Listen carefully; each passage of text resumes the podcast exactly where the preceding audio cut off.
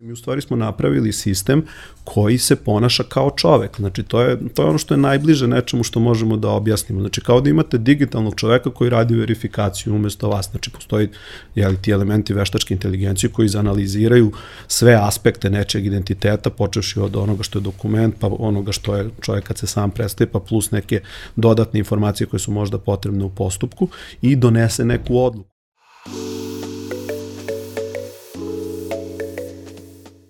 Ćao ljudi, dobrodošli u još jednu epizodu netokracijenog Office Talks podcasta, a pre nego što krenemo, podsjetnik, kliknite na dugme subscribe, kliknite na zvonce kako biste dobili obaveštenje o najnovim epizodama koje izbacujemo na našem YouTube kanalu.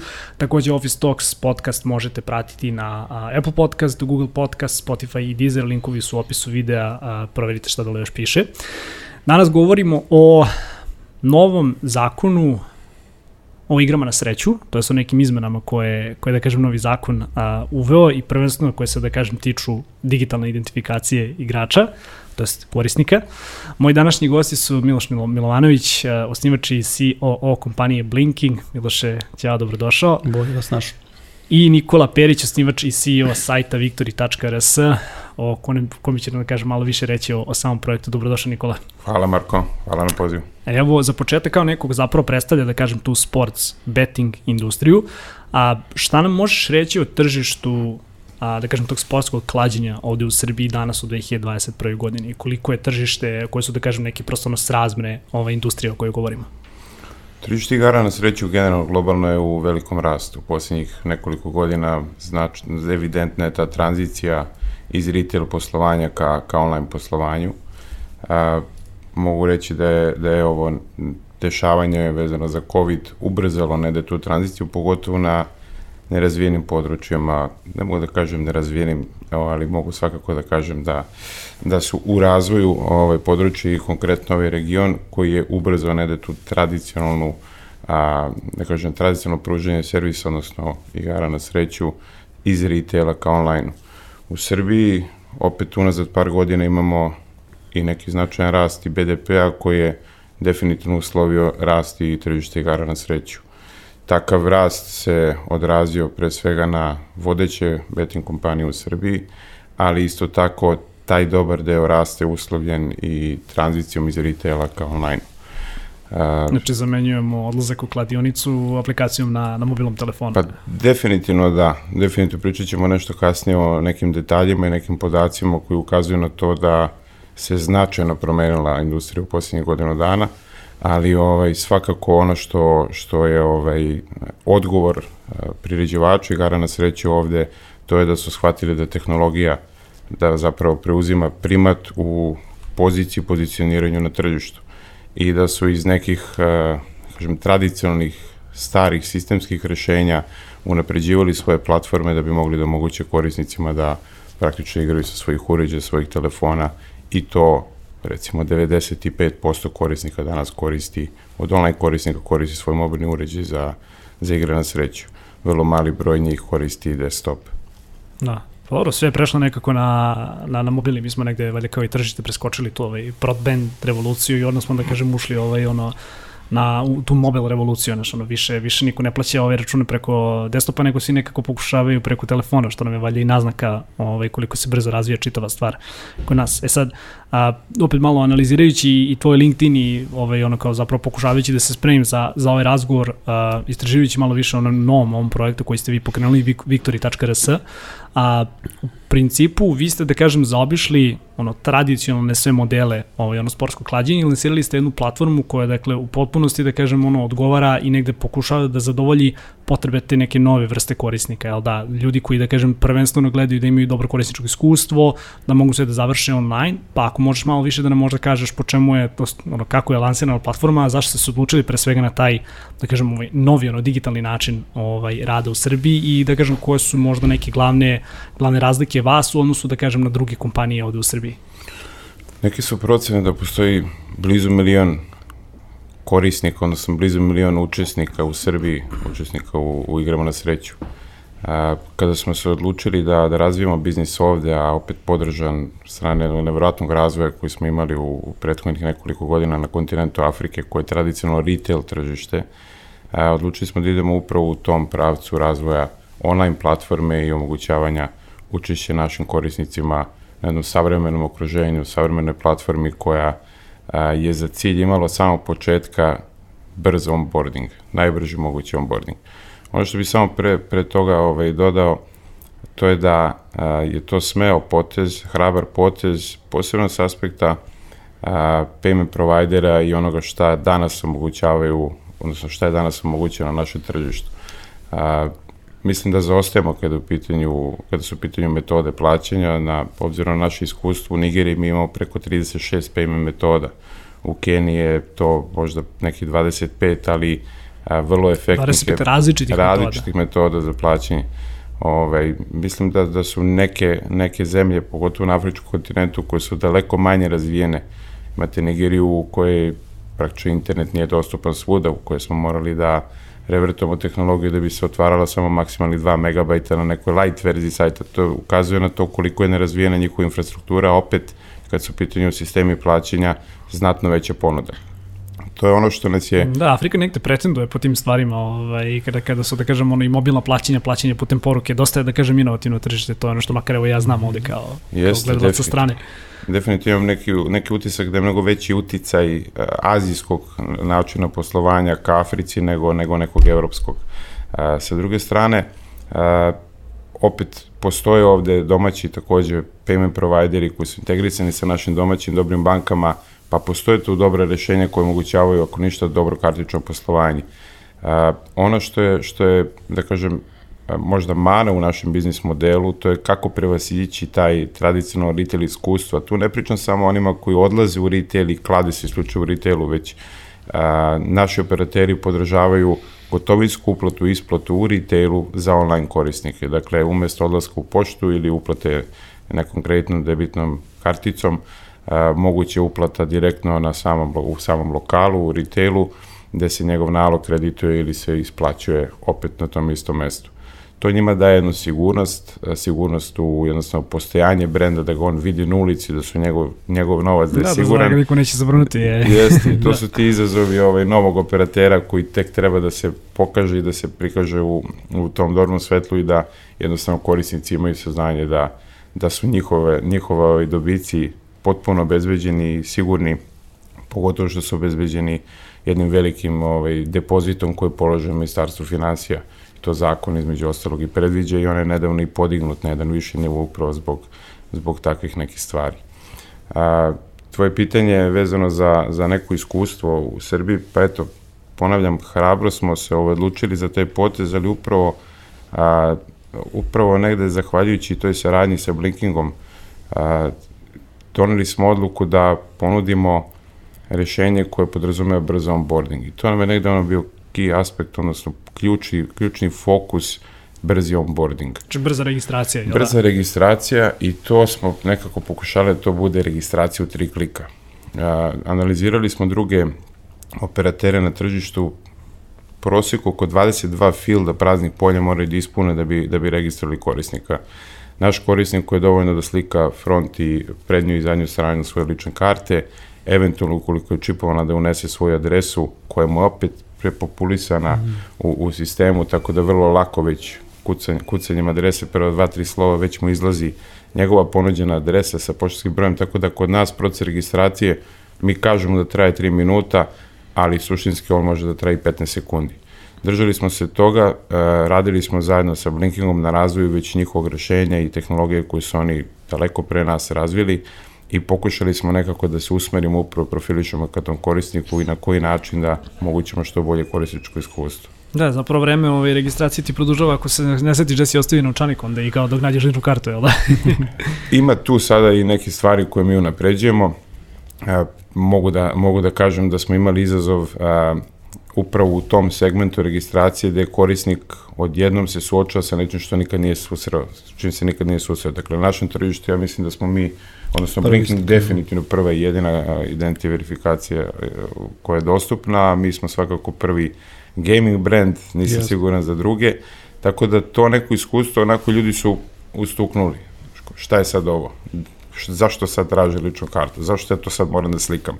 Iako u, u velikoj meri oni na kraju završe tako što slikaju svoju ličnu kartu, pošao je mailom ili Whatsappom ili Viberom, što je potpuno nebezbedno i, i ovaj, apsolutno van svih, svih pravila zakona mm. zaštiti podataka ličnosti i, i ostalim stvarima koje su, o kojima smo mi tekako vodili računa.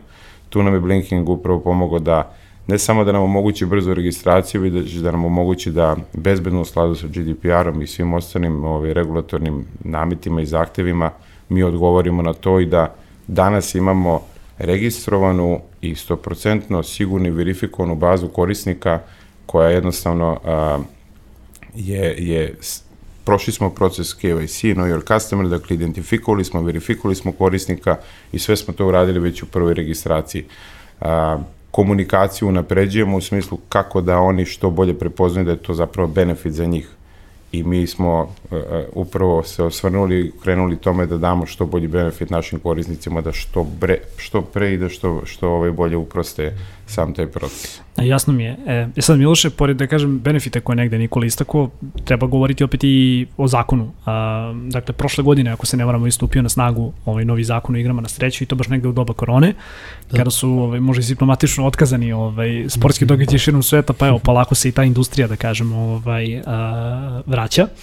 E sad, ono što, što mene zanima, a, kako zapravo funkcioniše ta digitalna verifikacija, jer zapravo prema novim pravilima a, uprava igara na sreću, ako se ne varam, je rekla da a, će sada sad opet ispravit ćete me, ali zapravo sve kladionice se, da kažem, kazino kompanije negde morati koje opet i pružaju uslugu digitalnim putem, morati zapravo da verifikuje svoje korisnike, dakle da su to punoletna lica, koje su da kažem možda ne građ, građani Srbije koje dakle ovde prosto ovaj mogu da koriste takve usluge. A opet ima tu da kažem sigurno par nekih lera zašto je ovakav sistem bitan a, sa strane, da kažem, možda ono, sports betting kompanije, zato što možeš da imaš bolji profil svojih korisnika, dakle imaš popunjenu bazu, možeš prosto da znaš ko su ti korisnici, ali opet i sa strane zakona da nemaš možda maloletnike koje se klade, da nemaš, da kažem, možda neke ono, a, ljude koji, da kažem, imaju ono, istoriju bolesti zavisnosti, pa da kažem, pola, ono, postepeno se ponovo vraćaju u, u, u, u takvu stvar. Hajde s tvoje strane prosto da, da, da čujemo šta ste to uradili i kako negde izgleda ta ta, ta digitalna verifikacija? Pa, evo, za početak, samo da kažem, kompanija Blinking u svom nekom osnovnom poslovanju ima tu e, viziju da omogući da društvo izvrši tu tranziciju ovaj, u pravcu ovaj, digitalizacije, znači praktično konačno se desi, desi ta digitalna transformacija o kojoj pričamo i slušamo već 20 godina. Um, I ovaj zakon je u sklopu praktično nečega što možemo nazvati globalnim trendom. Jasno je da se e, pomera e, učešće i korišćenje svih e, platformi u pravcu digitala, u pravcu online-a. Ono što se dešava u, toj, ovaj, u tom pomeranju jeste dosta jedna velika rupa, jedan veliki gap, kako u stvari sada održati odnos sa klijentom na adekvatan način, koji neće s jedne strane gledati samo ovaj, u pravcu toga da se zaštiti provider usluge ili da se zaštiti država, već da se i sam korisnik može osjećati osjećati ovaj, konforno u tom postupku. I to je sad nešto što je jako važno. Znači, to je jedan, onako mogli bi, re, slovno da kažem, splet zakona koji se tu primenjuju i koji nikako ne smeju da se posmatraju pojedinačno sa ciljem da eto sad zatvorimo, mi se pokrijemo, evo mi smo to uradili, ispunili smo taj član, taj stav i tako dalje, nego se gleda uopšteno kako sve to utiče na celokupan odnos klijenta sa, sa pružacom usluga. Znači ovdje imamo pre svega zakon o zaštiti podataka o ličnosti koji ima a, svoj duh a, koji je povukao iz evropske regulative gde je osnovni cilj pre svega da neko zna da kada posluje sa nekim online da je ovaj taj odnos uređen, da su njegovi podaci a, obrađivani i da se njima rukuje na adekvatan način, da uvek može da ostvari svoja prava kad je u pitanju odnos sa tim pružavacom usluga i da se jednostavno osjeća komfortno. S druge strane, država ima svoj čip u igri, njih zanima pre svega da a, taj posao priređivanja, priređivanja praktično igara na sreću bude e, event industrija, praktično entertainment industrija, znači da tu lepo ljudi mogu da dođu, da se opuste, da ovaj se poigraju, da se zabave, da zarade možda neki dinar i da na taj neki dinar treba da se plati neki porez, to je neki osnovni ovaj tog svega toga, a s druge strane vrlo je jasno da ovaj pružao cigara ovaj usluge igranja na sreću žele da u tom postupku pruže što kvalitetniju uslugu i da imaju što zadovoljnije klijente. I kada se sve to onako ovaj ukrsti, vi jasno vidite da vam je potrebno pre svega jedno digitalno iskustvo koje je efikasno, brzo, koje je prijatno sa strane korisničkog iskustva, user experience, tako dalje, i da mora da osjeća određeni nivo ovaj sigurnosti korisnik koji to radi i koji je u tom procesu. Je na tome najviše sad trenutno mora da se radi. Mi smo jako puno uložili svi, pa pogotovo Nikola koji ima enormno iskustvo sa klijentima i sa drugih kontinenta i tako dalje, nam je mnogo pomogao da ceo taj proces uredimo na takav način da to zaista ne bude opterećujuće za korisnika i oni to i vide. Oni već i sada po nekim iskustvima se vrlo jasno vidi da njima prija korišćenje jednog takvog moda i načina rada. Ono što još moramo da radimo jeste edukacija.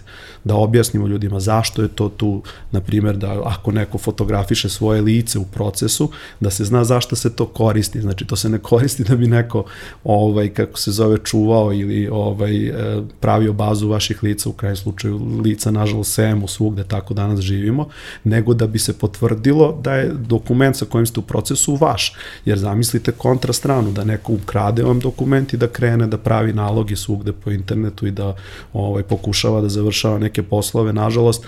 Um, ja, imali smo i takvi slučaje ovaj, kod nas. Naravno, da. da. Tako da ovaj, jako je važno da se u tom procesu ipak i mi staramo o svojim dokumentima i o svojoj bezbednosti i da razmišljamo koje su implikacije svega toga. I moramo da očekujemo od pružavaca usluga da su odgovorni. Znači, pre svega, a, vi možete se ponašati kao priređivač ovaj, usluge i igre na sreću i tako dalje, vrlo neodgovorno. Možete pustiti bilo koga, da li su tu deca, da li su tu ljudi koji imaju probleme ovaj, u smislu zavisnosti i tako dalje, da li su to možda neko ko tuneluje pare a, na nedozvoljen način. Vi možete verovatno se ponašati ponašate tako, pa da čekate kad će da vas sačeka određeni organ koji će to proveriti i tako dalje, pa što kaže ovaj, po principu APP, što bi rekli, ako prođe, prođe.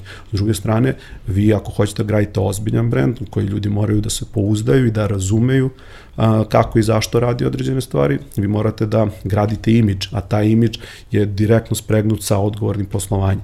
I zato je važno da praktično svi zajedno radimo na tome, tako što pomažemo jednim drugima da pravimo da podignemo taj, tu uslugu na taj nivo da je to u suštini sada platforma i mesto gde će se ljudi zabaviti i gde će se osjećati komforno, a ne mesto gde sada ovaj, prosto možete da razmišljate o nekim malverzacijama ili nekim nedozvoljenim radnjama.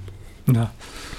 A, a spomenuo si jednu interesantnu stvar, ovaj, baš se razmišljam, obzirom da sam se kao nedavno bavio nekim, da kažem, ovaj, ono, birokratskim stvarima, pa ovaj, te digitalna verifikacija, znaš, ono, putem ovaj, elektronskog sertifikata, pa ne radi na Macu, moraš da instaliraš ovaj, virtualnu mašinu i sve te neke stvari. Ovo je u principu to samo daleko uprošćeno, jel da, neko dakle skenira ovaj, podatke i da kažem na jedan malo inovativniji način se ovaj, verifikuje. Pa ajde da boža prođemo samo taj korak ovaj, ja, znači, dakle, ono, hoću evo sada da krenem da se kladim na, na moj omiljeni tim ili šta god, ne znam, ni, ni, nisam, nisam neko ko se da kažem ovaj, ono, može ovaj, baš uh, ponositi iskustvom iz, iz kladionice, ali ono, primjer skine vašu aplikaciju i u okviru aplikacije zapravo mogu da ono otvorim da kažem svoj nalog tako što ću skinirati ličnu kartu, eventualno ovaj dakle ono pokazati svoje lice, verifikovati se pred operaterom, pa Miloš ako možeš malo da nam čisto objasniš kako mhm. kako taj sistem trenutno funkcioniše. Da, mi smo ovaj ja sam evo moram da priznam i meni ide greh na dušu što smo dugi niz godina se borili za uvođenje tih digitalnih sertifikata na smart karticama, na onim USB stikovima i tako dalje, koji bi trebalo predstavljaju čoveku u digitalnom obliku. Pa ne, jeste, samo je mnogo komplikovano. E, u tome i jeste problem. Ovaj, ne možete da se igrate te igre na taj način da povučete skalu skroz u, u bezbednost, a da se ne bavite korisničkim iskustvom. Svaki sistem može bude beskreno bezbedan ako ga zakopate na 3 metra pod zemlju i što kaže zatrpate, isključite iz struje, to je sve u redu. Problem je kad vi treba da radite s ljudima koji se nalaze ovaj u svojim svakodnevnim aktivnostima i koji neki jesu obrazovani IT-u, neki nisu, boga mi sa ovim sada sistemom digitalnih sertifikata, čak i ljudi sa ozbiljnim ono backgroundom ne mogu da reše te probleme da završi. Tako da je ovo jedna tranzicija, mi u stvari smo napravili sistem koji se ponaša kao čovek. Znači, to je, to je ono što je najbliže nečemu što možemo da objasnimo. Znači, kao da imate digitalnog čoveka koji radi verifikaciju umesto vas. Znači, postoji jeli, ti elementi veštačke inteligencije koji izanaliziraju sve aspekte nečeg identiteta, počevši od onoga što je dokument, pa onoga što je čovek kad se sam predstaje, pa plus neke dodatne informacije koje su možda potrebne u postupku i donese neku odluku. Tu odluku uvek ima neki kontrolni organ koji može da proveri, koji sedi jeli, kod ovaj, pružavaca usluge i u tom postupku vi imate dosta dobru ovaj, sliku o tome sa kim imate posla sa druge strane onda na osnovu toga vi možete sad da gradite interakciju, komunikaciju sa tim čovekom, a ne da pričate sa Pajom Patkom i tako dalje, što je izuzetno jako česta situacija kada vi od ljude ne sprovedete kroz neki formalan proces KYC-a, vrlo često se desi da ljudi iz čiste ovaj, uh, ovaj dosade se zabavljaju, izmišljaju imena, igraju se nekih anonimnih ovaj, uh, identiteta, iako to nekada nije potrebno zaista. Ovo je ipak, ovaj, bez obzira, klađenje jeste za zabava, ali ovaj tu prolazi novac građana i ovaj to nije za za šalu. Znači takve stvari moraju da se ovaj rade adekvatno. E, uvek je lepo kad vi ovaj ste sa te strane pa se desi nešto pa ovaj uspete da od toga ovaj, zaradite, ali šta bi bilo da ne daj Bože se desi kontra pa da vi budete taj koji je gubitnik u procesu u smislu da nešto su vas oštetili, da je došlo neke krađe identiteta pa da odgovarate pred državom. Tako da uvek i mi kao građani moramo vrlo odgovorno da se ponašamo i da znamo šta je naša uloga u celoj toj priči. I ono što je dobro kod Viktorija, Viktoriji realno je ušao u tu priču i kada zakon još nije stupio Tako na scenu, znači Nikola je bio vizionar i on je rekao mi ćemo biti odgovorna kompanija, znači mi ćemo raditi to onako kako to treba da se radi i ovaj čak rizikujući u tom trenutku da ovaj možda izgubi čak i deo tržišta, ma koliko to zvučalo sada ovako. Pustimo gas, odnosno da. smanjimo prodor, da. Jest, jer, jer je ovaj, to je trenutak kad vi izlazite sa većim skupom ograničenja nego što je to trenutno kod konkurencije. Da, ali tako ti uglavnom, znaš, dok, dok jedna kompanija, dok jedan igrač ovaj, ne, ne povede ovaj, neku ono, inovaciju, drugi drugi će teško da slede, ali evo sad, da, sad i zakon da, imamo ovaj, koji nam kaže Mislim da, da mi jedva čekamo moramo, stvari da. da, da svi drugi krenu, jer će to svakako da. podržati sve to. Samo jedna stvar, ako mogu mm -hmm. da mhm. dodam zanimljivu, da, da. na temu E, praktično šta, šta dobijamo? Dobijamo sa, sa identity verifikacijom, odnosno digitalnom verifikacijom, dobijamo 100% tačnost da je taj korisnik zapravo on. E, mislim da građani mahom nisu svesni uopšte da onda kada odu da se slikaju iz ličnu kartu da je zapravo njihov dokument postao biometrijski dokument i šta znači biometrija. E, Imamo primer da... da Mislim, centralni ovaj registar građana, svi su ono tu. Tako pa, je, imamo yes, primer da. da postoji preko možda 700-800 kamera, biometrijskih kamera u gradu koje u svakom trenutku detektuju prate, da li si u auto, da li si u autobusu, u autobusu možda malo teže, e, ali... Tu, tu moram samo da ti ispravim, a, postoji i više, ali nisu sve, nisu nemaju, nemaju sve ovaj mogućnost biometrije. Da. Samo Znam da nemaju sve, da, svakako da. na onim ključnim mestima imaju. Ima, da. da. imaju. Da. I sad šta, šta, šta je interesantno, da imamo jedan drugi sada, da kažem sad već po meni absurda, to je da vi odete u banku i da tražite da se otvori tekući račun.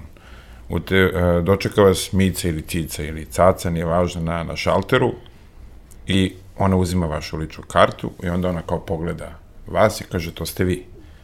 Uh, ne znamo da li cica ima dioptriju, da li ona dobro vidi, da li u sve, zaista ona to dobro procenila, da li je da. to brat blizanac mm. ili je, dakle, postoji mnogo toga što je, što je veliki propust u retailu koji mi na ovaj način uh, u potpunosti rešavamo sa 100% Ja, tu si, tu si, tu si 100% u pravu, znaš kao ja, ja sam promenio, lična karta mi je od devete godine, o, i promenio sam se dosta u odnosu na, na da kažem, mm -hmm. na, na, na to neki, taj neki period kada sam, kada sam vadio ličnu kartu i ovaj, da kažem, pripadnici ovaj, policije su mi rekli ovaj, prilikom rutinske kontrole da moram da, da vadim nova dokumentar kao ne ličim prosto više na, da, na da, sebe, svi na šalterima, aha, aha, to si ti, samo si se promenio, yes, yes. izvoli proći, tako da... Ko definiše kapiram, tu da, promenu, da, da. znaš? Ko definiše da. zapravo taj stepen promene, ako, ako ćemo iskreno, da.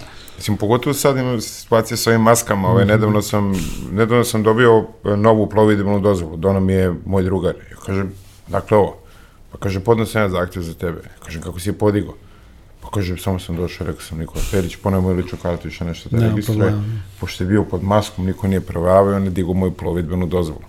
Možda nije bila sad tema za ovo, ali svako hoće da ukažem na to kolika je zapravo retail, Da. odnosno ta neka verifikacija na zemlji, koliko je ona, koliko je ona danas absurdna sa tehnologijom koja, koja omogućava 100% tačnost. A ono što dozvoljava nama sad s aspekta operatera i, i gde u stvari leži ta bezbednost, dakle, u, u, opet u blinkingovom sistemu i razvoju zajedno sa njima, mi smo ograničili a, pristup tim podacima na samo ovlašćene sertifikovane agente podrške mm -hmm. koji rade kod nas.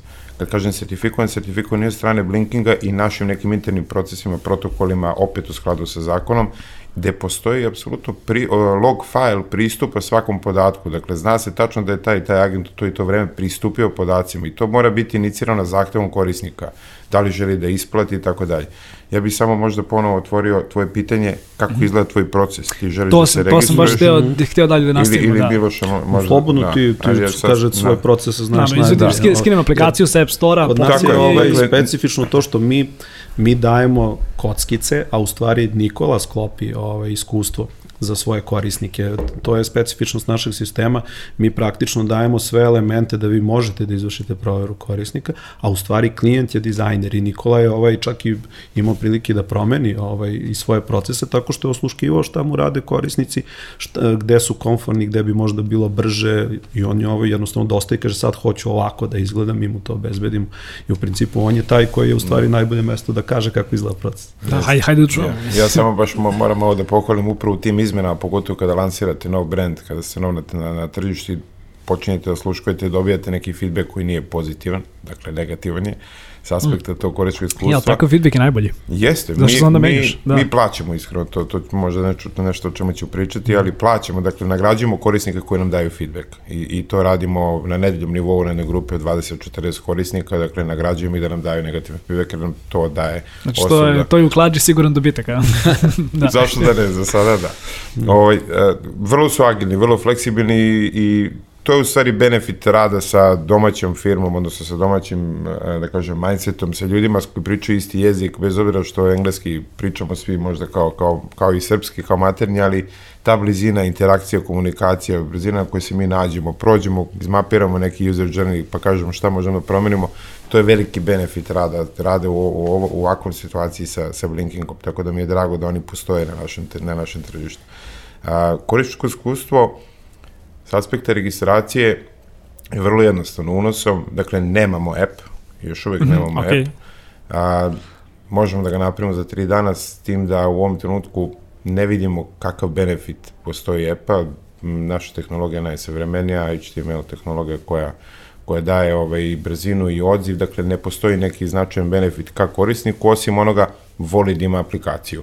Tako da ćemo vratno odgovoriti na to, voli da ima aplikaciju i uskoro ćemo ovaj, obezbediti i tako nešto. E, dovoljno je da uneseš svoj željeni username, uneseš password i e-mail, a telefon mobilni je opciono ukoliko želiš da ti informišemo preko mobilnog. Ostavili smo opciono mobilno zato što hoćemo da implementiramo ovaj OTP, one time password, kao dodatni stepen autorizacije, pogotovo prilikom isplate sredstava, obzirom da je to onako najosjetljiviji deo. I sledeće je verifikacija putem maila, dakle verifikuješ, potvrđuješ svoj mail kao osnovni kanal komunikacije dalje sa, sa tobom kao korisnikom. A, već i na sajtu, već imaš priliku da pogledaš ponudu, ali ti dajemo i serviramo ti jedan, jednu vrstu landing strane na kojoj ti imaš ovaj, da kažem, pristup registraciji. Registraciju pokrećeš jednim klikom, a, dajemo kratku informaciju o tome šta su benefiti i upravo zbog ovog nekog koričkog iskustva dali smo ljudima priliku da koristi standardnu formu. Dakle, postoje oni koji kažu šta je ovo blinking, kakva je ovo tehnologija, daj ti meni standardnu formu da ja unesem 22 polja tamo i da ti pošaljem tu ličnu kartu opet putem, putem nekog drugog. Mi koristimo Zendesk ovaj, za, za kroz formu da mogu da nam pošalju to, a onda opet pohranjujemo iste te podatke u blinkingu. Tako da nama je Ja, blinking... ručno, ručno radiš zapravo posao. Da. Da, ručni je rad, ali nama je blinking, ono, da kažem, security baza, dakle ono gde mi po- pohranjamo njihovu bazu sa podacima, odnosno našu kod njih, po, ovaj, u modelu kriptovanja koji, koje je nesalomivo, jel? Jeste, pa model je takav da ovaj klijent praktično ima a, svoje ključeve u HSM-u koji se čuvaju i e, svaki put kada se bilo kakva interakcija desi, podaci se enkriptuju, ležu u njegov storage i e, isključivo ovo što je malo pre Nikola pominjao, e, kada dođe do bilo kakvog gledanja od strane operatera i oni koriste svoj identitet da priđu i sa sertifikatima svojim pristupaju ključu, dekriptuju podatke klijenta, to ostaje trajno zapisano i tek onda kroz zaštićenu platformu mogu da vide uh, konkretno klijenta. Inače, ono, varijanta sad sedne neko, pa daj da vidimo šta je bilo sinoć, to se ne radi, znači to je strogo i zabranjeno i nemoguće fizički uraditi. Da bi se pristupilo bilo kom klijentskom portfoliju, mora se pristupili prema njegovom zaštićenom kodu ili po vrlo jasnim generalijama koje se moraju uneti u, u celini, jer su hešovane vrednosti za identifikaciju da. u beku. Tako da je ovaj na taj način praktično ovaj maksimalno ispoštovan i GDPR, uh, takav kakav je, ali i ovaj taj takozvani zdrav razum, ako ti imaš tehnologiju koja postoji da možeš da podigneš nivo zaštite klijenta, onda je potpuno iracionalno danas se ponašati kao da ona nije tu. Da. Znaš šta, malo je, malo je neki, da kažem, ne samo i podcastan, ali malo je, malo je priča u javnosti o tome ko zapravo je vlasnik ovaj, podataka koje te, tek tako lako sejemo po, po webu. Mm -hmm. Sad po GDPR-u ili po zakonu o zaštiti ličnih podataka, Podatak ako se ne varam. Da. Mislim, zapravo je to naš zakon koji je usklađen sa, da, sa, da. sa, sa GDPR-om, tako da to nije ništa novo, evo, premenjuje se već par godina ovde u, u pa, Srbiji. Godinu i tako pokušava da se primeni u nekim slučajima. Vidim, vidim da neki sajtovi ovaj, i dalje malo kaskaju, vidim, vidim da, da se te neke ono email baze ovaj, i dalje prodaju i takve neke stvari. To je, to je prosto boljka našeg tržišta, ali kao treba negdje korisnicima staviti do znanja da su prvo oni vlasnici tih podataka i da, na neko ko dođe i ko koristi ovaj Viktor sad pa naredne ono 3, 4, 5 godina, 2 meseca, koliko god, isto tako može i da se obrati kompaniji da kaže, hej, ja prosto ne želim više da koristim moje podatke, da li možete da izbrišete moj profil kao da, da nema nikakvog, ovaj, ono, nikakvog traga mog postova, postojanja ili da mi date da, ono, da vidim na uvid koje ste se podatke prikupili od meni, jel da? Tako, Mislim, to, je, to, je, to, to je taj jedan ono, zdrav, zdrav, zdrav razum, ono, baratanja prosto podacima. Da. Postoji jedna zakonska obaveza koja, koja je ovaj, praktično formirana na osnovu eh, dnevnih izveštaja koje mi moramo da šaljemo u Poreskoj upravi, zapravo smo u, u nekom konstantnom u konstantnom vezi sa, sa databazom Poreske uprave u kojoj mi između ponoći i jedan ujutru ovaj, šaljemo sve podatke. Onda kada korisnik zatraži samo isključenje ili suspenziju naloga, mi isti trenutku povlačimo i iniciramo proces brisanja praktično njegovih podataka. Oni moraju ostati arhivirani u smislu našeg korisnika u ovoj godini, u ovom mesecu, pa za njega se obračuna neki porez, dakle ne može da nestane, ali u, u smislu upotrebe dalje njegovih podataka on više ne postoji kod nas. On je sada predat na nekim, da kažem, bazama koje su neophodne samo s aspekta zakona. Da. E, ajde, ovaj, nisam sad planirao da, da, da možda nužno otvorim tu temu, ali interesantna mi je i prijatni razgovor, mm -hmm. prijatni sa sagovnici. A, koje, mislim, kako, ono, prepostavljam da, da, da, da kažem ti dobici jesu negde oporizovani, da li do neke stope ili do, do neke visine, pa ako možeš, ako čisto evo, za slušalce i za gledalce koji, koji možda nisu, da kažem, bliski toj industriji kao, kao što nisam i ja, koje su, da kažem, neke poreske stope koje se, koje se tu primenjuju i koje su, da kažem, opet obaveze ljudi koji, dakle, ono, dolaze i potpuno rekreativno se kladi i ostvaraju neke dobitke ovaj, u, u kladionicama. S aspekta korisnika, poslednja, poslednja zakonska izmena je, je ovaj, praktično uh, ne mogu da kažem ugasila, ali više ne postoji potreba poreskih prijeva za dobitke koje stvaraju korisnici. A, tako da ona, mislim, sada bez ograničenja, a, žao mi ako sa, što kažem mislim, ali, ali poslednja neka informacija koju imam da ne postoji ograničenje u smislu dobitaka po kojem je korisnik oporezovan. Ja mislim da, je, da ima granica od 11.000 dinara. Ne, ne, to je bilo ranije, to je bilo zato pre... kažem, bilo je ranije znači 11.000, pa je otišao na 24.000, pa su podigli bili na, na 100.000 i poslednja informacija da li je primenjivo ili, ili nije još uvek je da nema tog ograničenja. Mm -hmm. Zašto? Razlog je to što operator plaća praktično na a, ukupno ostvarenim okladama i ukupno ostvarenim isplatama, dakle uplata minus isplata, Aha. 15% stopu poreza na osnovu toga. Postoji neki minimum koji se plaća, taj minimum je nekih 7,5 plus 2,5 hiljade za odobrenje, sada je u stvari pro, posljednjem promenu točena 12,5 hiljada eura je praktično mesečna stopa minimalna koju morate plaćati kao operator. Onda te kada prevaziđe taj prihod, u primjeru recimo da je to 10 miliona dinara, onda bi ta isplata bila 1,5 milion dinara bi se isplatio u poreskoj, poreskoj Da, da, jasno. Znači nije, nije nešto što se sa strane igrača ovaj, Tako, radi u, u, u, u ovom da. trenutku ne, ne postoji, ne postoji obaveza za, za samo korisnika, Ma da je to tu. suštinski njihov porez, ali tako? Mislim, ako se gleda, ovde je obveznik, država ima dosta često tu situaciju kada o, jedno je dužnik poreza, drugo je obveznik i o, vrlo često kad ima mogućnost da prenese na pravno lice, oni prenesu na pravno Tako. lice i u suštini to jeste njihov porez. Da, to, to je sigurni Ali je- način da naplatiš Da, ovaj. ali, da. ali je ovaj poreski obveznik ovaj privredno društvo koje pruža uslugu i ovaj to je na primjer kao kad uh, rentate kuću na primjer kao pravno lice od fizičkog, vi ste dužni da platite njegov porez. I to je dosta često ovaj pojava u poreskom sistemu a, i koja u stvari omogućuje da jedan uređen a, priređivač na jedno privredno društvo u stvari se postara da bude plaćen porez. Ali ono što je jako dobro iz iskustva ovdje jeste što korisniku onda to ovaj, skida opterećenje jer je sve već Sve upakovano u završeno, paket da. usluga.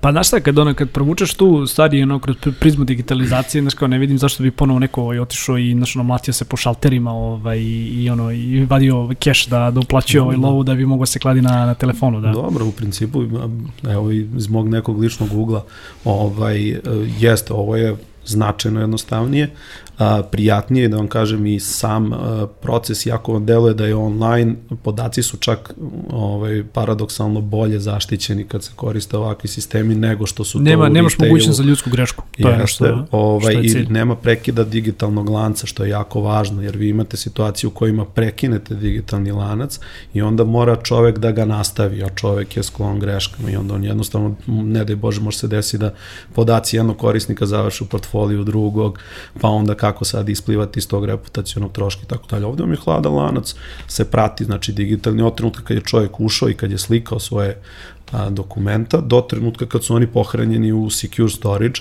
sve vreme je u digitalnom obliku i nema intervencije i nema potrebe da ima intervencije i onda ne dolazi do grešaka. Ovo kad mora mailom pa šalje ovako onako onda tu dolazi do velikih problema. A sad s druge strane ovaj, naravno da će uvek biti interesantno i nekad otići negde popiti piće, ali vi sad možete da vidite da u suštini ti ovaj lokali koji se bave poslom ovaj sports bettinga sve više liče na restorane, to postaje ugostiteljski bi- biznis, tako da to Pa se- jeste, okrenulo stvari se, okrenulo se, po- ka, okrenulo se ka entertainmentu, znaš, mislim, mislim Jeste. da i da i ono ozbiljnim kompanijama sad iz mog nekog iskustva, opet ponavljam, ne, nemam iskustva u sportskog klađenja, ali, znaš kao, valjda pretpostavljam da, da negde ono ta, ta, ta slika, ona zadivljene prostorije gdje imamo neke ono prosečne kladioničare koji, koji tu dolaze, mislim da se polako malo odlazi ovaj, od, od takvog jednog imidža i da se gradi, ovaj, da se gradi malo šira ovaj entertainment priča. Mhm. Eto, možda idealno da, da dodam sada da otvorim ovaj, nešto što držimo još uvek u nekoj tajnosti, ali obzirom na tajming, ovaj, mislim da možemo da otvorimo, to je da otvaramo prvi neki bet and bar, koncept se zove bet and bar, praktično pravimo neki sportski bar koji će imati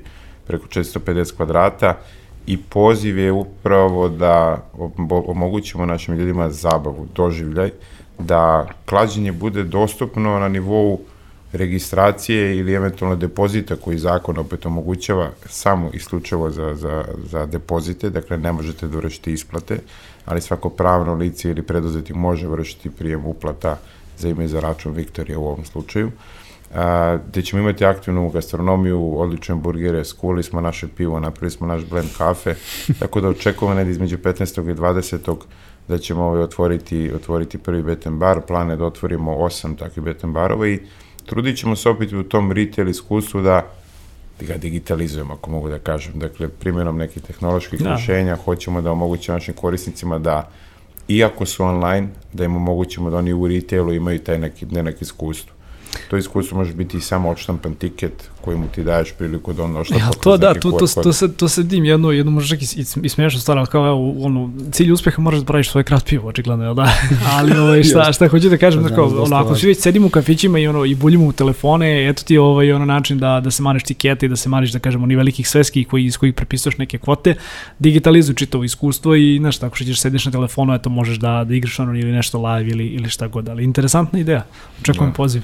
Naravno, Biće bit ćete pozvani na, A, a šta otvaranje. još, šta sam još, hvala, ovaj, rado, ćemo, rado ćemo se odazvati, znaš, ne, ne znam mnogo o klađenju, ali znam mnogo o burgerima od pivu, tako da, Odlično, ovaj, to da. nam treba. U ovoj fazi nam to treba. Da, da, da. Za klađenje Eto, da, jel, pa, jel plaćate feedback ili? A, plaćamo isključivo kroz pivo. To nam je najjeftinije ovo što smo Nikakav iskovali. problem. Dobro, dobro, siguran dobitak, to ti je.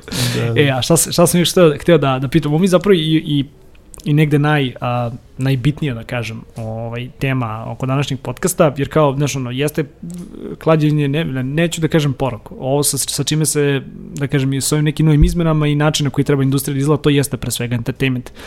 Ali isto tako i taj entertainment može da postane poprilično loša stvar ako govorimo, ne znam, o maloletničkom klađenju, ako govorimo o, o ljudima koji, da kažem, imaju bole zavisnosti, koji se da, konstantno vraćaju to, koji su, ne znam, prokoskali stanove, šta god. Ima prosto takih slučajeva, nije, nije to samo od u Srbiji problem.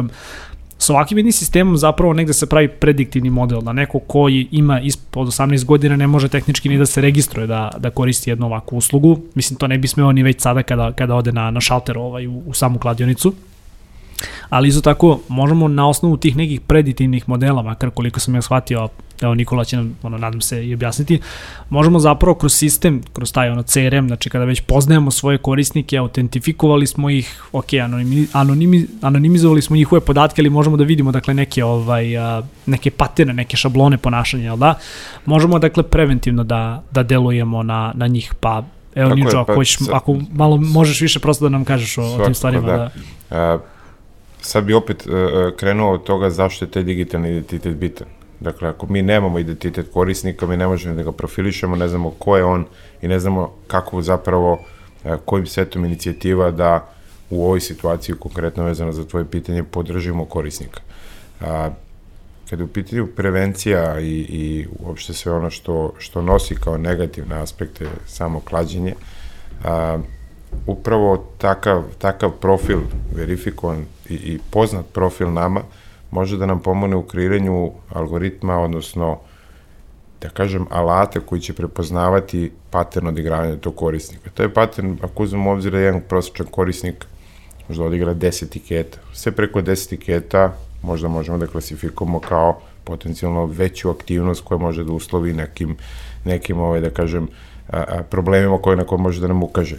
Vreme korišćenja platforme, vreme odigravanja etiketa, anomalije eventualno u njegovom odigravanju, depozit, sve su to stvari koje mi možemo da uključimo i da izanaliziramo pattern koji će nam dati eventualno alarm i reći ovaj korisnik može da, imati problem. Zastavica, da. A cijela ideja je ono što, što hoćemo da razvijemo, to je da, da korisnik zapravo ima preporuke.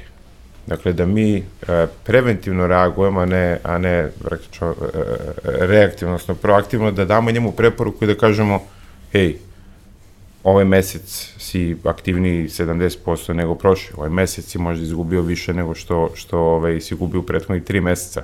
Ili mu jednostavno damo dva modela, jedno je samo ograničenje, drugo je samo isključenje. Dakle, mi po zakonu smo duži s tim da se u, u, u formatu ono kako se, kako se prihvata i zakonski, to je da korisnik pošalje na formi potpisano mailom i da traži, da traži zahtev. Mi konkretno na takve zahteve reagujemo odma, pa onda naknadno tražimo, jer ne želimo da korisnik čeka da nam pošalje nešto poštom ili da skenira ili da jednostavno nije, nije ni odgovorno, nije ni korektno.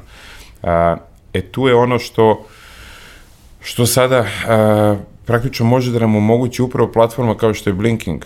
Zašto sam malo pre rekao, jedva čekam da, da bude 10 operatera na tome.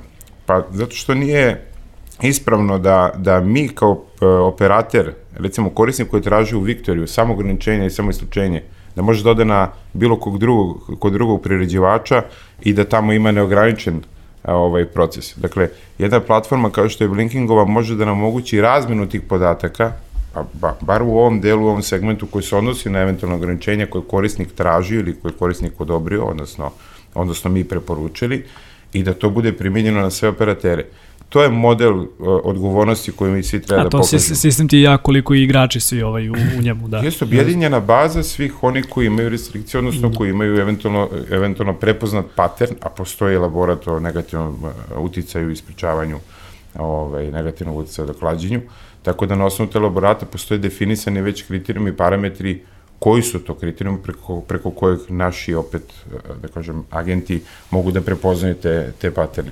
To treba da bude po meni objedinjeno, centralizovano i da ako je neko tražio ograničenje u Viktoriju, da ono bude primjenjeno na sve i obrnuto naravno.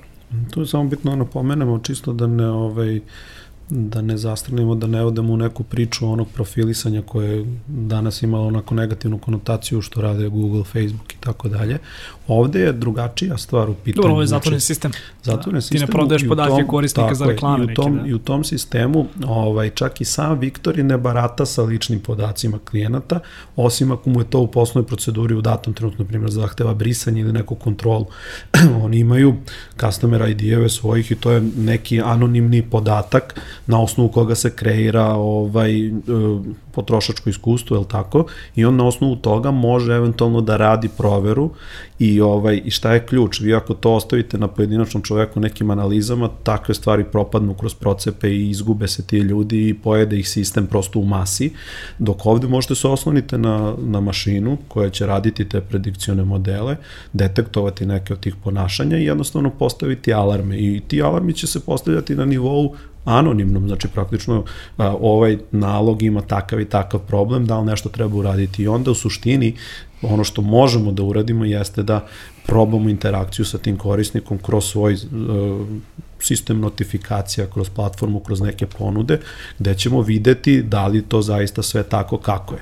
Mnogo je gora ova varijanta u kojoj vi imate jednu a, slobodu da se prijavite jeli, kao Paja, Patak ili Šilja i da onda gde god uđete ovaj, e, već imate sada platformu koju ukucate JMBG da vam izmisli ili da izgeneriši koji to proveri odmah na biračkom spisku da vidi jel stvarno postoji. Znači tu su krađe identiteta veoma nezgodne i neki ljudi se možda na, na neki od naših MBG-ova klade po po, po zemlji ovaj, i, ovaj, i možda baš neko od tih ljudi ima problem i trebalo bi mu nekako pomoći prići, možda je maloletan, možda je ovaj, zaista ovaj, uh, nije uspio se izbori sa, sa tim porivom i tako dalje.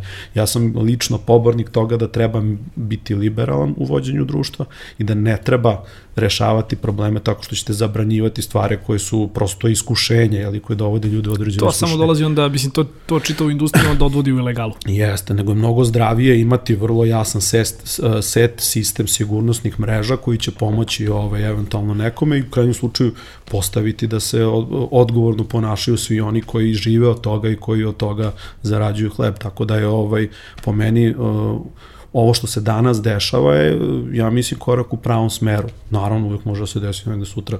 Volimo mi da zanesemo onako kao društvo nekad u, neke, u neka preterivanja, ali ono što je jako bitno napomenem, nije samo uh, ovaj sektor igara na sreću i ovaj sports bettinga taj koji polako uređuje to, to se dešava u svim drugim industrijama. Mi kao kompanija ne radimo samo sa tom industrijom, iako uh, nam je draga, tu ima puno inovacija, mi radimo i sa bankama, radimo sa telekomima, radimo sa ovaj raznim sektorima u finansijskom ovaj poslovanju i svi oni imaju određene progrese u tom upoznavanju svojih klijenata zato što a, prosto protok novca je nešto što a, može se koristiti na dobar i na loš način i kogod posluje, on mora da bude odgovoran. Tako da u tom nekom smislu ovaj sve više digitalizacija tih usluga dovodi do toga da morate da rešite i taj problem. I ovaj mi smo tu jako aktivni evo na našem tržištu.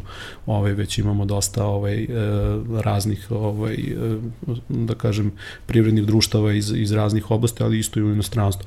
Tako da ovaj prosto to je trend a, samo je važno da budemo odgovorni, jer prva stvar koja se desi kada krene trend upoznavanja igrača i možete kažete, aha, dobro, igrač to je kockica i ne zanima me on, njegova lična osjećanja, potrebe, šta on misli o svemu tome, napravite sistem koji odgovara jednoj strani. A morate ovde uvek imate kontra težu, imate zakon o zaštiti podataka o ličnosti i GDPR, a u krajnjem slučaju je ono, moralnu obavezu se ponašate odgovorno, znači morate tog čoveka da stavite tamo, a, da, da on zna šta se dešava, kako mu se obrađuju podaci, zašto i tako dalje, i da zna koja je svrha svega toga. Neka kažeš odgovorno poslovanje samim u glavi da ne koristimo elektronski sertifikat. e, a zapravo imamo i rok do 10. juna, ako se ne varam, je, je ovaj neki krajnji rok za, za zapravo da kažem to neko ono usklađivanje, ovaj, ako se ne varam, sa, sa ovim nekim pravilima baš koje, koje zakon ovako poprično jasno i eksplicitno ovaj, kaže, je tako? Pa to su neke da. izmene ovaj, vezane za sistem izveštavanja. Mm -hmm. A, što se tiče same verifikacije, iskreno ja nisam naišao da, da to nešto što već ne postoji. Ja, to je sve propisano. Dakle, sve su ti propisi već definisani, a ovo da, što, o, čemu, o čemu pričaš na 10. jun, to je praktično još, još veća e, kontrola i, i veza između platforme priređivača i porezke uprave da sada Države, zapravo svaki tiket, svaki spin, svaki bet, sva, svaka transakcija u sistemu je registrovana. A, to će dati jedan mnogo bolji pregled, mislim da će postići bolju, ajde da kažem, neku a, poresku a, optimizaciju, odnosno da će se doći do toga da, da ovaj, se ubire veći deo, veći prihodi, a, ne aludiram na to da, da ne prijavljuju svi, već jednostavno a, postoji u svemu tome modeli na koji način se izvešta. Sam taj model će dati priliku i da se korisnik svaki a, identifikuje, da se zna njegov a, nivo igre i sve to opet a, s aspekta sprečavanja pranja novca, a, možda je ovo upravo s njihove strane ovaj, i došlo kao, kao glavni zahtev, što je potpuno opravdano. Dakle, svako ko, ko učestvuje igram na sreću, potpuno je, potpuno je ovaj, prirodno da dokaže svoj source of funds, odnosno Pa nema, svojih pazi, prihoda i da sve, u sve, sve industrije su danas ono teško regulisane i bit će još teže. A naš ovaj, ono, upotrebno te neke tehnologije će se prosto ovaj, ono, kvalitet A bitno je da se taj proces na, ovaj, na površinu, olakša. jel da? da ma koliko bio komplikovan, da se razumemo, znači pranje novca je ozbiljna stvar. Znači ovaj a, teroristi, finansiranje terorizma, to su sve ozbiljne stvari. Ljudi o tome ne treba da razmišljaju kad je. sednu da uplate tiket. To je zabava. Znači oni su tu došli da se zabave, da a, znate to malo i podigne ovaj adrenalin kad gledate utakmicu, pa sad malo pa neko voli da se pokrije ako se iznervira izgubi njegov tim bar da ode dobije tiket i tako dalje. Znači to sve imate Da, pazi, imaš, imaš ti ljudi koji bi pranje novca zabava, tako da. Dobro ima. Da. da. to se slažem. Entertainment industrija, tehnologija da nam pomogne u tome. E, tu treba upravo tehnologija da uđe u, u kocku i da kaže, ok, vi se osjećajte se komotno, od vas su ovi jednostavni koraci potrebni i da znate da mi postujemo u skladu sa svim svetskim normama i to je to.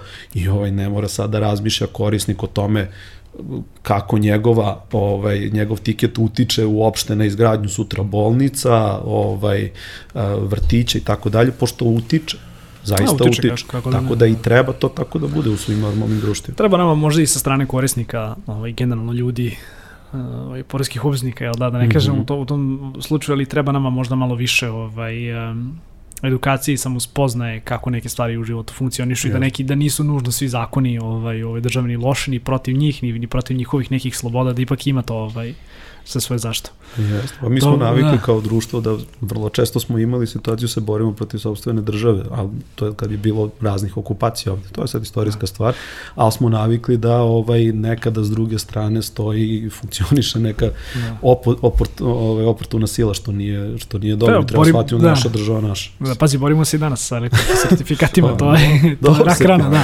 Preživet ćemo i te zakona, ja bih sertifikate. samo, ja bih samo stvarno zaključio i dodao, odnosno zaključak je da je odlično organizovan zakon, da je regulativa dobro primenjiva i, i usklađena sa, da kažem, tržištem i potrebama tržišta, da se zakon menjao kako je evoluirala i tehnologija, odnosno trend kanala komunikacije i same igre. I s aspekta opet porezke politike mislim da je vrlo konkurentan u smislu kad kažem konkurentan u odnosu na, na region. A, 15% stopa porezka na, na nivou sports bettinga i 10% za sve ostale igre od kažem gross gaming revenue odnosno one ostvarene ukupne razlike nešto što je zaista prihvatljivo a, imate Italiju u kojoj to čini mi se negde 250-300% veće nego što je kod nas Španija, Belgija, apsolutno sve zemlje zapadne Evrope imaju veću i, i, i restriktivniju tu i poresku politiku i regulativu. Tako da, ovaj, mi lično pozdravljamo sve ovo, mislim da se iz našeg primjera vidi da smo možda malo i, i ove, ispred tih nekih nameta, regulativa i rokova mi već odgovorili na sve to što smo jednostavno znali, pretpostavili da će da stigne, ali opet vodili smo se korisničkom iskustvu. I to je u stvari ta sprega između e, namete, regulative i korisničko iskustva gde zapravo mora da se dobije jedna, jedna dobra sinergija da bi to sve funkcionisalo besprekorno. Da, možda imaš i ono i zakonski potkrepljen i kvalitetan proizvod. Tako je. E, a za kraj, evo, ostalo nam još toliko vremena gde negde vidite prosto budućnost ono kao kazino industrije, betting industrije ovde u Srbiji, ako govorimo o nek, nekom ono, ono, online delu, a jesmo neke stvari već prosto i promenili, pomenuli ovde kroz, kroz, kroz podcast, svakako burgeri i pivo jesu, ovaj, jesu, jesu jedni od njih, ali evo Nikola da možda negde krenemo od tebe, ovaj, koji, ko, u smislu koji tipa misliš ili gde vidiš negde naredni korak je čitave ove priče dalje da se razvija? Čini mi se da, da čini mi se naše projekcije, estimacija da će se, da će se online tržište e, igara na sreću umnožavati, odnosno će rasti između 120 150% iz godine u godinu. Taj trend je prikazan između 2008. i 2019. godine. Čini se da je prihod e, priređivanja bio da 120-130 miliona u 2018. E, eura, a 2019. 285 miliona. Od toga je rast online-a bio, čini se, 150%. Pričamo o, glavnih pet priređivača, čiji su, da kažem, bilansi dostupni kao i revizački izveštaj iz kojih to može da se potvrdi. E, definitivno COVID je znatno ubrzao sve to, e, očekujem veliki, veliki rast e, uopšte u ukupnom svim vertikalama proizvoda, ali posebno visok rast očekujemo u sferi kazino igara. Dakle, neki trend uh, rasta kazino igara upravo onoga što je tvrdokorno ovaj, usidrano u, u, u, u ovim uh, retail uh, objektima gde se igraju aparati, pa čak i takva grupa korisnika prelazi na, na digitalne metode, odnosno online klađenje i online uh, učešće u, u kazino igrama, tako da mi pravimo estimaciju neku da je to neki gap koji treba, koji treba ovaj, na koji se treba fokusirati i usmeriti. A, sa druge strane, a, danas, danas, ja već 9 godina idem na sve ovaj, znatnije e, sajmovi igara na sreću, najveći u Londonu. Vi kad uđete na taj sajam i vidite da tu dominiraju ljudi iz tehnologije, inženjeri, developeri, malo je tu prodavaca zapravo i ta neki svest mm -hmm. Uopšte industriji igara na sreću, pogotovo u Srbiji, mi da, to nekako doživimo. Da, ne kažu za sve pokriću gikovi. tako je, stvarno, stvarno je tako, business. mislim, neverovatno, ali upravo inovacija, dobra tehnološka rešenja a, izdvajaju, izdvajaju operatere i, i formiraju ih kao, kao brendove koji su tu da ostanu i da, i da dalje postoje. A, svi oni koji su, koji su verovali da taj tradicionalni način betinga i da oni imaju to veliko znanje i tako dalje su danas ili nepostojići na tržištu ili se jednostavno sa vrlo malim tržišnim modelom. Dakle, naš fokus je tehnologija, a, naša platforma se razvila na Malti sa nekih 70 inženjera, danas formiramo timove u Beogradu, trenutno zapošljamo nekih 11 inženjera, fenomenalnih ljudi s fenomenalnom kulturom, preponosan sam šta smo tu stvorili da. i pa tek bazi, gradimo evo, Ovaj podcast ono slušaju i IT-evci gde, gde mogu da nađu više informacija o, o zapošljavanju. Što se, što se toga tiče, pa nekako smo aktivni na, na, na svim ovim portalima, definitivno nepoznati kao brand, ali ovaj, imamo jedan, jedan dobar već core tim ljudi koji uspeva da, da svojim ovaj, angažmanom kod nas i svojim radom kod nas prenesu tu neku energiju na svoje kolege, tako da a, kao i svaki startup, znaš, postoji taj jedan prostor, sigurno 4 do 6 meseci, pa ne pomaže ti ni employer branding, ne pomaže ti ni mi smo cool i evo, idemo na team building, idemo, apsolutno da, ništa ne pomaže. Imamo pivo i burgere. Da, tako da imamo jedan, imamo jedan pristup da pokušamo ljude da dovedemo da razgovaramo sa njima, ja, jako neko ko, ko nije inženjer, ko nije developer, volim da razgovaram sa njima, da, ih os, da, jednostavno osjeti oni šta mi hoćemo i šta je naša vizija i da osjeti jednu stabilnost u našoj trogodišnjem nekom planu. Dakle, naš plan je, je ne mogu kažem zakucan, ali je naš plan ovaj, razvoja na tri godine planiran, tako da oni mogu da vide a, u kom pravcu ćemo se mi razvijeti, šta želimo da uradimo sa našom platformom, kako želimo da je napredimo. I već sada se pokazalo da upravo ovaj mali tim koji smo formirali u Beogradu u odnosu na znatno veći na Malti je brži, agilniji, efikasniji i sad me to nekako opet sve pokreće, taj startup ovaj, mindset me ponovo pokreće i opet sam uzbuđen. Znaš, vidiš da neke stvari rešavaš u roku od, od dva dana u odnosu na dva meseca i da. to je pa ima, ima, ima to, ovaj, dobra knjiga, sad ne mogu tačno se setim ovaj, imena, ali ovaj, baš mi moj kolega ovaj, Ivan preporučio kao a, kada timovi ovaj, kreću da se ponašaju kao velike kompanije, kao kada timovi ono uglavnom pucaju tipa, ne znam, na, na 20. zaposlenom, tako da ovaj, mm -hmm. čim, ono, ako si ispod toga, onda definitivno imaš taj neki ono startup vibe da upravo si da se stvari, stvari brže, ovaj, brže razvijaju. Znaš, kao dok god poznaješ imena ovaj, svojih, svojih kolega, onda onda mm. možeš negdje da očekuješ da će se neke stvari brže rešiti. Ali dobro, jest, srećno da. sa zapošljavanjem. Ovaj, da. Hvala puno. Ponovo da. smo u tom ciklusu, mi smo prošli to već na Malti 2017. Krenuli smo sa 13 developera, sada ih je 70 plus, ja sam istupio iz te priče, fokusirao se na razvoj Viktorije novog tima, tako da sam već prošao kroz jedan taj ono, fast growth i skaliranje tima sa razmero, ne mogu, ne može neko bude u razmeri biznisa, mi smo u trenutku imali rast od 150% nedeljno i bili su nam neophodni ljudi, ljudi, ljudi. I onda u jednom trenutku moraš da staneš da kažeš, dobro, šta sad? Znači, kažu kad dođeš stvarno do 50 developera, moraš da staneš i da napraviš plan i onda ide onaj slice of pizza, znaš, kao koliko u stvari tim može da bude velike, to je da ne sme biti veći od, mm. od 8, pa onda radiš breakdown na product orijentisane timove i tako dalje, tako da, da uvek da, izazov. neke lepe stvari, da. da. Mm. Miloše, s tvoje strane, evo, budućnost ove neke industrije, mislim, da ja, znam, ja znam da vi ovaj radite sa gomilom, ovaj, da kažem, yes. industrija, da je, da je ovo samo jedan, ovaj, da kažem, aspekt i, i hvala ti što si nekada nas podelio ovaj, svoju, no, svoju neku viziju, ali evo za kraj da čujemo gde, gde ti vidiš primjenu i vašeg rešenja, ali i generalno pa, ovakvog jednog mindseta ono, u industriji. Ovaj, kako kažu to, ovaj, jeli, ovaj, po ruralnim delovima, kad kažu da čovjek najbolje, ovaj, najbolje, najbolji pogled ima preko svoje tarabe i tako i mi gledamo iz naše vizije i preko našeg ovaj, a, naše ideje šta hoćemo da postignemo. Ja vrlo jasno vidim i očekujem da će se to i desiti, da prosto a, ova industrija će doći do toga da postane a, jedno uređeno mesto gde će se ljudi zabavljati, gde će se ovaj a, širiti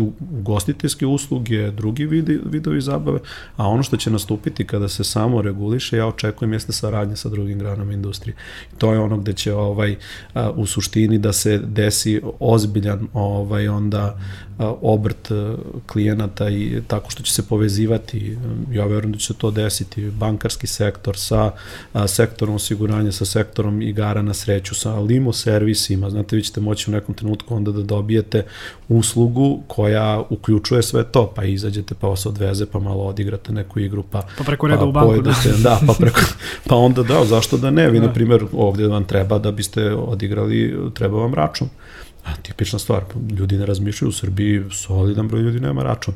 Sada banke polako mogu da otvore račun na daljinu. I zašto ne bi ti procesi bili spregnuti da čovek uđe kroz jednu industriju, prošeta kroz drugu pa se vrati. Absolutno. To su stvari koje će se dešavati i ovaj, je sad Na šta, slučaja, mi smo o, ovaj... onboardingu korisnika da. za banku možemo ti ja ovako jedan podcast bukvalno da, dva sata da, da, do, da snimimo. Mislim, da. to, to možemo, to će se drago rado odazvati. Da. Mi smo baš ovaj, pustili ovaj, ozbiljne stvari na ovom tržištu koje ovaj, um, nije sad tema pa možemo pričati, ali koje zaista više šalter polako ovaj, stavljaju po strani, ali sve te usluge polako će da se kombinuju i moće da sarađuju privredni subjekti. Ono što jeste dobro, ovaj, nekako mi smo se tu sredinu namestili i nadamo se da ćemo ovaj, pomoći u celom tom razvoju. To jest cilj nam je da ovaj, digitalizacijom onoga što je krajnji korisnik, koji je aset, da praktično ovaj, se napravi jedan ekosistem izuzetno ovaj, orijentisan na korisnika koji će omogućiti tu neku bešavnost u, u čoveku konkretno kroz digitalni svet. Ovaj, nismo to, na to, da kažem, na dva meseca od toga, ali boga mi godinu dve, verujem da će to da se ovaj, ozbiljno dobro, da, dobro ste ste opkladili, nema šta. Da, da, da. da to, Ište, Miloše, znamo industriju, da. pa smo naučili kako. Strano. Miloše Nikola, hvala vam puno što ste bili moji današnji gosti. Hvala ovaj, ništa, mi se vidimo na, na, na, ovaj, u tom sportskom baru, ovaj, na, na burgerima i na pivu da damo, da damo i naš feedback. Toliko od nas, nas dragi slušalci i gledalci, još jednom podsjetnik, možete nas pratiti na YouTube-u, da kliknite na dugme subscribe, kliknite na zvonce kako biste dobili obaveštenje o najnovim epizodama. Takođe, ukoliko preferirate audio varijantu, dakle nekde izvornu varijantu podcasta, Office Talks podcast je dostupan na Apple podcastu, Google podcastu, Spotify i Deezeru. Linkove su u opisu ovog videa i u opisu ovog audio fajla. Toliko od nas danas. Pozdrav svima i čao. Pozdrav, hvala još jednom.